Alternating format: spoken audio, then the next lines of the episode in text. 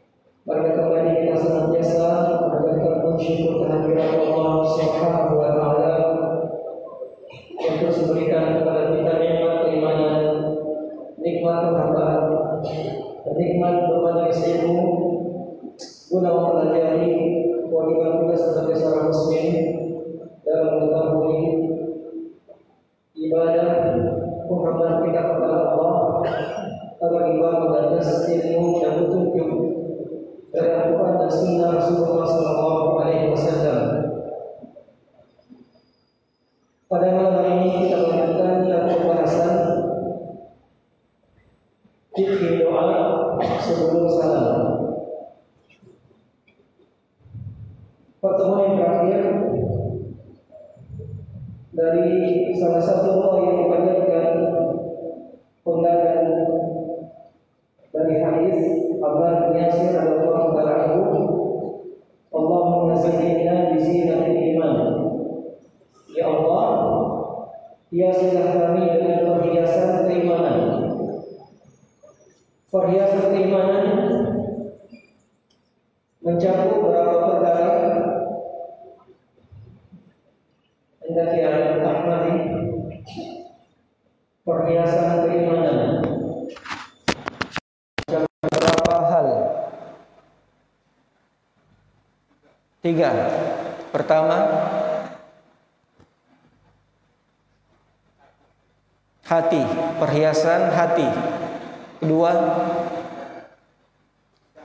lisan, perhiasan lisan. Ketiga, perhiasan melalui anggota badan.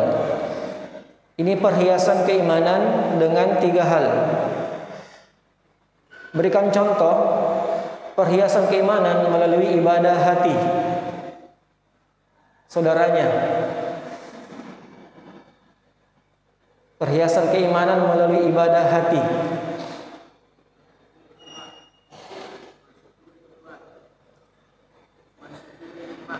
mensyukuri nikmat. Dalam hati bagaimana bentuk mensyukurinya? Kalau mensyukuri nikmat bisa hati bisa lisan bisa kota badan. Sekarang lebih spesifik mensyukuri nikmat melalui hati. Bagaimana itu?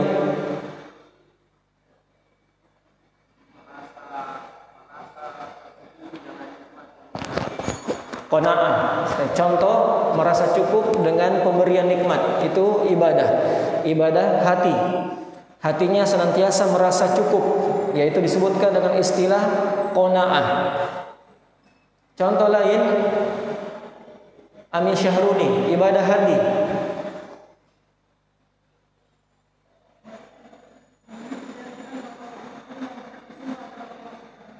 Tapi keyakinan yang benar bahwasanya kita meyakini Allah sembahan yang benar.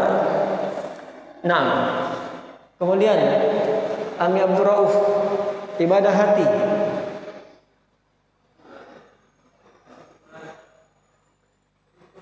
Sudah. Banyak ibadah hati.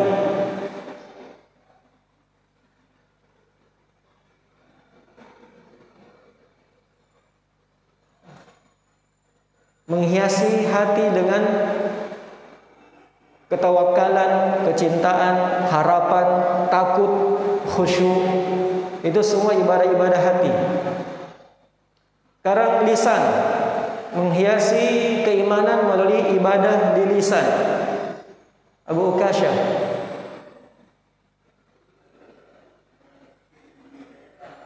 Dikir. San. Kemudian apa lagi?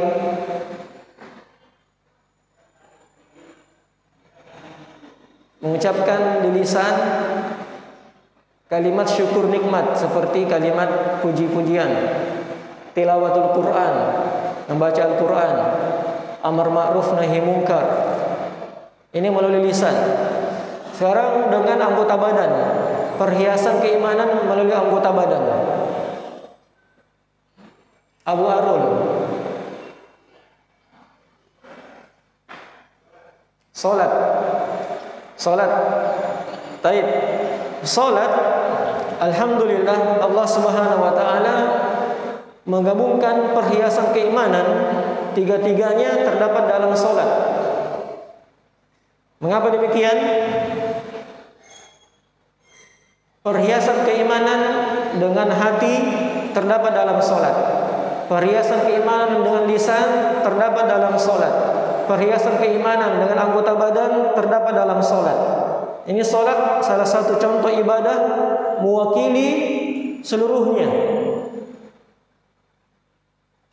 Sejak kita berangkat dari rumah, kita melangkahkan kaki menuju masjid atau berkendaraan menuju masjid, itu sudah ibadah.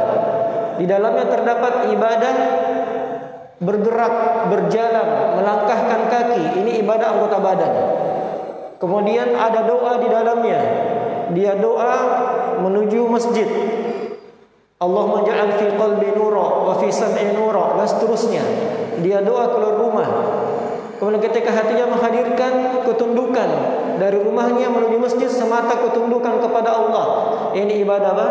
Ibadah hati. Jadi sudah terkumpul baru keluar berangkat itu sudah tiga-tiganya ada. Kemudian ketika dia menegakkan salat juga tiga-tiganya terdapat perhiasan keimanan. Hatinya orang yang salat hendaknya khusyuk, tunduk, melahirkan kecintaan kepada Allah. Dalam salatnya hendaknya dia berharap, mengharapkan ampunan, mengharapkan surga, mengharapkan rahmat Allah, takut dari api neraka munculkan dalam hatinya. Ini salat. Kemudian di lisannya dia baca Al-Qur'an, dia baca zikir-zikir dalam salat. Ini semua dengan lisan. Kemudian anggota badannya ruku, sujud, ini semua adalah ibadah-ibadah anggota badan. Semuanya bahagian dari perhiasan keimanan. Ya. Jadi alhamdulillah Allah Subhanahu wa taala mudahkan kita lima kali, lima kali sehari semalam untuk menghiasi diri-diri kita dengan keimanan. Inilah fungsi besar dari suatu solat. Ketika hati ini atau jasad ini atau rohani ini terkadang terkotori, ternodai dengan dosa-dosa dan maksiat. Maka kembali setiap solat lima waktu kita sucikan, kita hiasi lagi diri kita, hiasi hati, lisan, anggota badan kita dengan keimanan melalui satu ibadah solat terkumpul seluruhnya.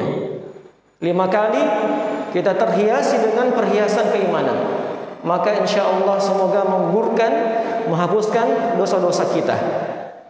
Nah, kemudian kita melanjutkan dari doa yang selanjutnya. Doa yang sangat agung pula Yang mana doa ini termasuk dari doa yang dibaca sebelum salam Yaitu Allahumma Inni as'aluka ya Allah bi annakal wahid al ahad samad alladhi lam yalid wa lam yulad wa lam yakul lahu kufuwan ahad an taghfir li dhunubi innaka antal ghafurur rahim.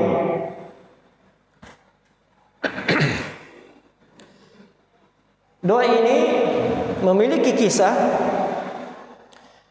Kisahnya Nabi sallallahu alaihi wasallam Diratkan dari hadis Mihjan bin Adra' radhiyallahu taala anhu ketika Nabi sallallahu alaihi wasallam memasuki masjid maka beliau melihat seseorang rajulun qad qada salatahu wa huwa yatashahhad. Seorang ini telah hampir menyelesaikan salatnya wa huwa yatashahhadu Perhatikan ibarat dalam hadis wa huwa yatashahhadu dan dia dalam keadaan bertasyahud. Dalam keadaan mana? melakukan tasyahud atau tahiyat. Faqal kemudian dia membaca doa tadi. Nah, di sini menunjukkan fikih bahwasanya doa ini dibaca ketika masih dalam posisi apa? Posisi tasyahud. Karena sahabat mengatakan ketika Nabi melihat orang ini membaca doa tersebut, dia masih apa? Wa huwa. Dia masih bertasyahud, masih duduk tasyahud. Kemudian Nabi mendengarkan doanya. Dia membaca doa tadi. Iya. Jadi doa ini dibaca sebelum salam. Kita lihat doanya. Allahumma ya Allah, inni as'aluka. Sungguh saya meminta kepadamu Ya Allah Bi annakal wahid bahwasanya sungguh engkau maha satu Al-ahadus samad Yang maha esa Yang maha samad Yang maha bergantung kepadanya seluruh makhluk Alladhi lam yalid Yang tidak beranak Walam yulad Dan tidak diperanakkan walam yakul lahu kufuwan ahad.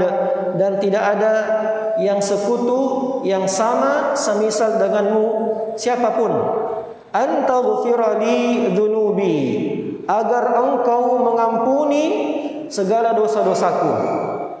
Ini permintaan yang disebutkan dalam doa oleh sahabat ini. Dia baca sebelum salam agar engkau mengampuni dosa-dosaku karena sungguhnya engkau antal ghafur rahim. Engkau lah yang maha mengampuni segala dosa-dosa dan maha merahmati.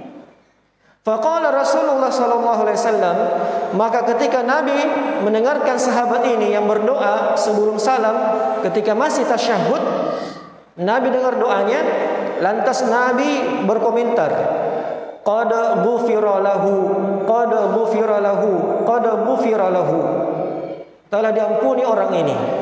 Telah diampuni hamba ini. Telah diampuni dosa-dosanya. Tiga kali Nabi ucapkan bahwasanya dia mendapatkan jaminan pengampunan dosa-dosa. Masya Allah ini menunjukkan agungnya doa yang dipanjatkan oleh sahabat ini. Yang didengarkan oleh Rasulullah sallallahu alaihi wasallam dan Nabi apa? Nabi mengikrar.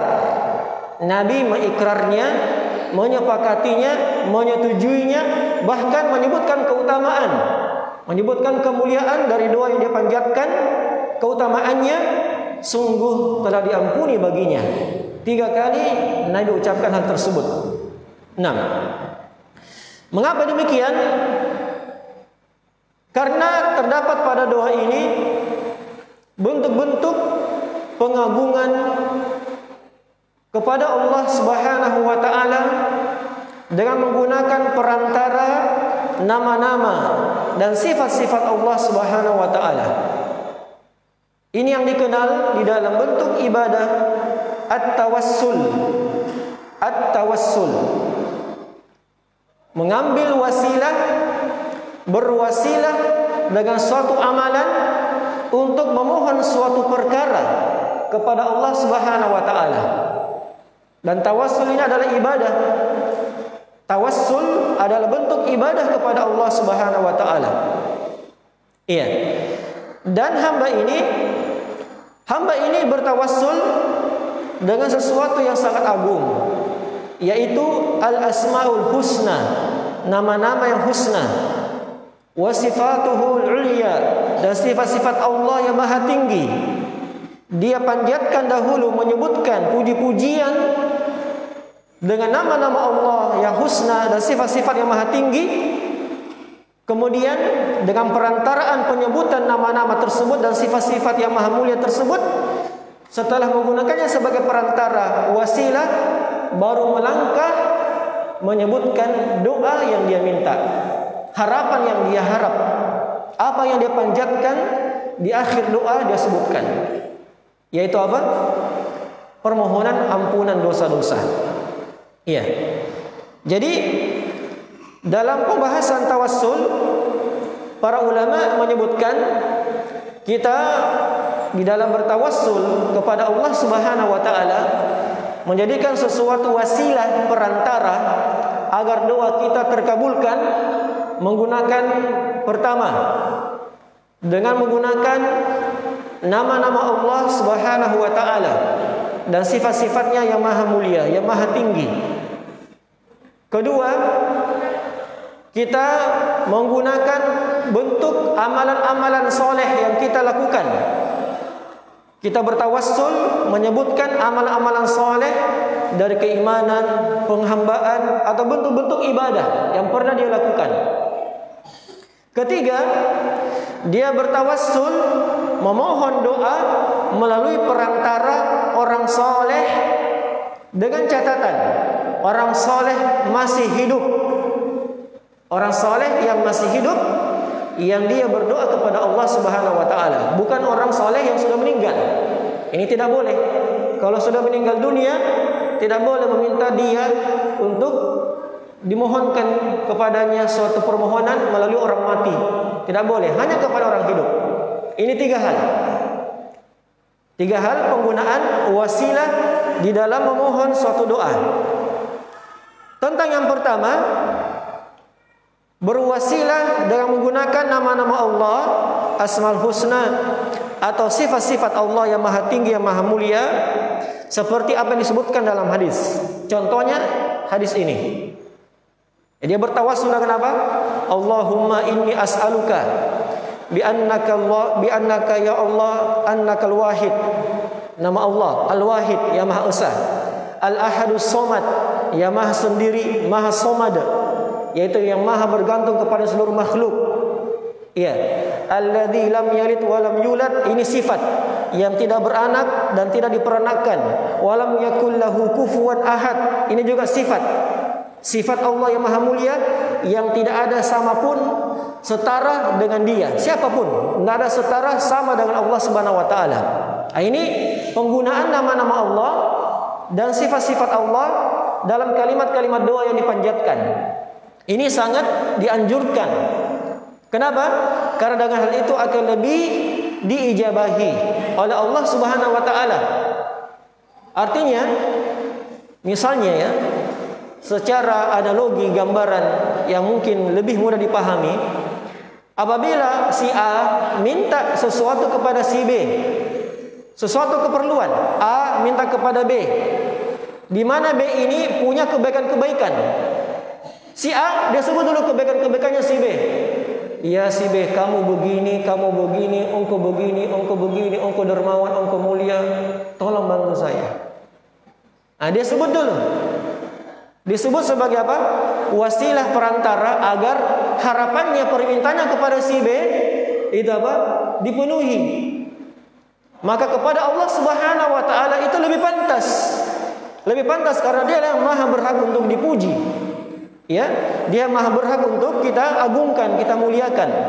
Dengan menyebutkan nama-nama Allah yang maha husna dan menyebutkan sifat-sifat Allah yang maha tinggi maha mulia ini kita sebutkan di awal-awal penyebutan doa yang kita ingin panjatkan.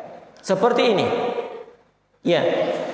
Kemudian pada contoh wasilah dengan amalan soleh tentang kisah tiga orang yang terperangkap dalam gua kemudian tertutup dengan bongkahan batu besar menutup mulut gua. Mereka terkurung tidak bisa keluar. Sehingga tiga orang ini Berdoa kepada Allah dengan perantara menyebut wasilah apa? Apa wasilah yang dia gunakan agar doanya terkabul selamat keluar dari goa? Wasilah apa? Hah? Nama-nama Allah, sifat-sifat Allah yang maha tinggi tidak disebutkan dalam hadis, tapi disebutkan di situ adalah amalan-amalan solehnya, ibadah-ibadah yang pernah dilakukan, bentuk-bentuk penghambaan yang pernah dilakukan dahulu, yang kira-kira di situ dia ikhlas, dia kira itu adalah ikhlas, dia lakukan, maka dia sebutkan di waktu tersebut, kemudian mohon kepada Allah doanya. Untuk selamat dari kesulitan yang mereka dapatkan. Sehingga salah satunya berdoa dengan menyebutkan amalan solehnya, baktinya kepada orang tua. Kedua, menjaga amanahnya terhadap gaji upah karyawannya. Ketiga, terhadap ifah, penjagaan kehormatan dirinya, dia hindarkan diri dari zina. Tidak menodai seorang wanita. Ini semua amalan soleh dia sebutkan untuk lepas dari kesulitan. Ini doa dipanjatkan dengan menyebutkan amal-amalan soleh di depan. Ya. Kemudian yang ketiga, wasilah dengan perantaran orang soleh yang masih hidup. Perantaran orang soleh yang masih hidup. Seperti kisah Arabi. Arabi yang masuk ketika kota Madinah terkena musim paceklik kemarau berkepanjangan di mana tanaman-tanaman hewan-hewan ini pada binasa. Kemudian Arabi ini masuk meminta kepada Nabi sallallahu alaihi wasallam untuk apa? Untuk berdoa kepada Allah agar menurunkan agar Allah menurunkan hujan. Jadi orang ini mengambil Nabi sebagai perantara agar Nabi berdoa kepada Allah. Ini dibolehkan. Nah, karena Nabi masih hidup. Dan Nabi adalah orang yang paling soleh. Maka ini dibolehkan di dalam perkara ini. Jadi wasilah yang digunakan oleh sahabat ini Sebelum dia memohon permohonan ampunan kepada Allah, maka dia berwasilah dengan apa? Menggunakan al-asmaul husna, menggunakan nama-nama Allah yang maha husna, yang maha indah dan menggunakan sifat-sifat Allah yang maha tinggi, yang maha mulia. Ya. Kita lihat dari bentuk-bentuk makna-makna pengagungan yang terdapat di dalam kalimat-kalimat doa yang dipanjatkan oleh sahabat ini. Allahumma Allahumma ini adalah kalimat yang asalnya adalah ya Allah.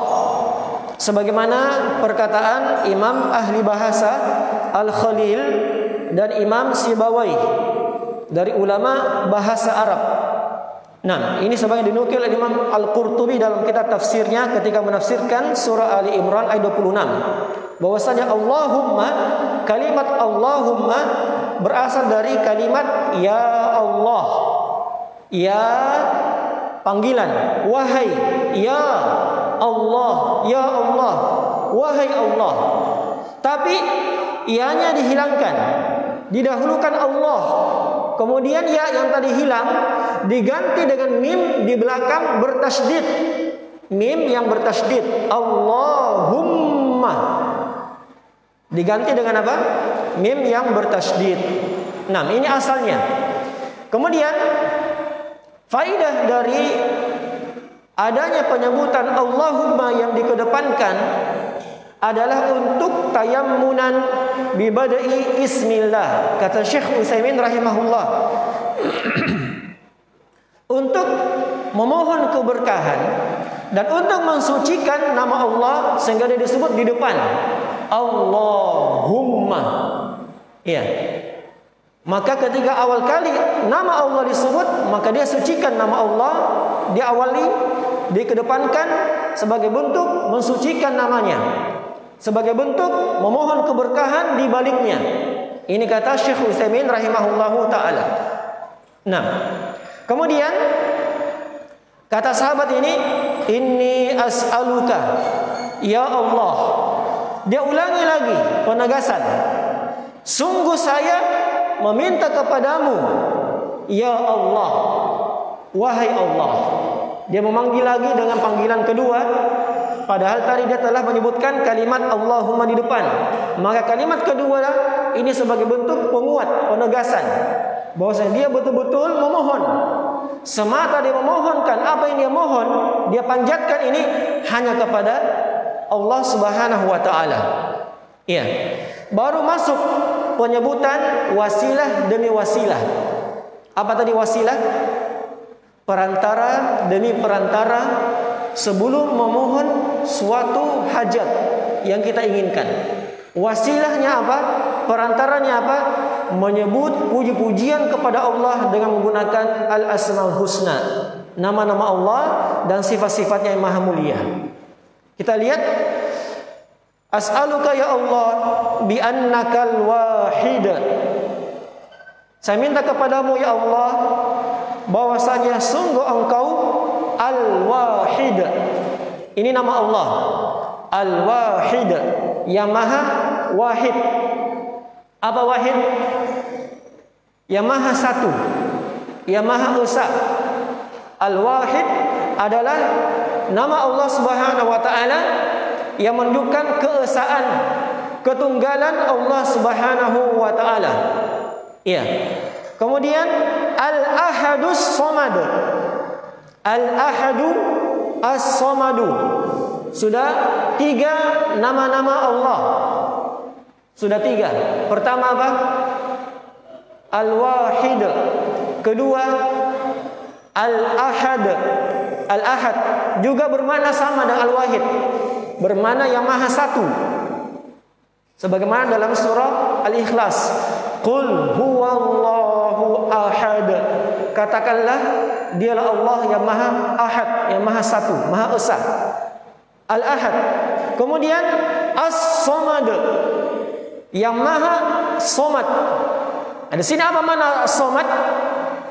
Kata Syekh Utsaimin yang paling indah dari penafsiran As-Samad kata beliau adalah Al-Kamil fi sifatihi alladhi yasmudu al-khalaiqu ilaihi fi hawaijihim wa masailihim. Iya. Kata Syekh Utsaimin rahimahullahu taala yang paling indah dan paling mengumpulkan dari makna as-samad qul huwallahu ahad Allahus samad apa makna as-samad? Adalah dia al-kamil yang maha sempurna fi sifatihi dalam segala sifat-sifatnya. Semuanya sempurna. Tak ada cacat, tidak ada aib, tidak ada kekurangan pada semua sifat-sifat Allah. Itu mana as-samad. Kemudian alladhi yang mana iftaqarat ilaihi jami' makhluqatihi. Yang mana semua makhluk semua makhluk ciptaan Allah iftaqarat ilaihi merasa fakir merasa butuh kepadanya ya. Dalam mana lain? Alladhi yasmudul khalaiq ilaihi.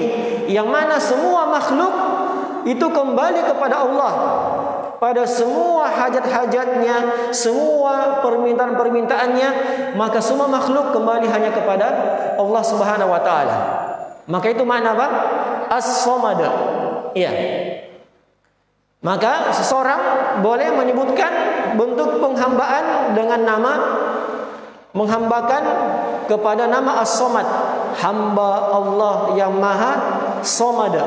Apa tadi maknanya? Yang maha sempurna pada semua sifatnya, yang mana semua makhluk fakir kepadanya. Itu As-Samad. Seperti nama Abdus Somad. Ya, masyhur ya Abdus Somad, terkenal. Naam. Abdus Somad. Kemudian berikutnya Al-Ahadus Somad. Alladhi lam yalid wa lam yulad. Yang tidak yalid, tidak beranak, walam yulad dan tidak diperanakkan. Pertanyaan saya, ini nama-nama Allah ataukah sifat-sifat Allah? Ami Abdul Rahim. Jawab. Alladzi lam yalid wa lam yulad wa lam yakul lahu kufuwan ahad. Seperti dalam surah Ikhlas. Allahu Samad lam yalid wa lam yulad lam yalid wa lam yulad tidak beranak wa lam yulad tidak diperanakkan itu nama-nama asmaul husna atau sifat-sifat yang pertama atau yang kedua yang pertama nama-nama atau yang kedua sifat-sifat berikan isyarat tangan satu atau dua Dua. Oh, Masya Allah, langsung dua.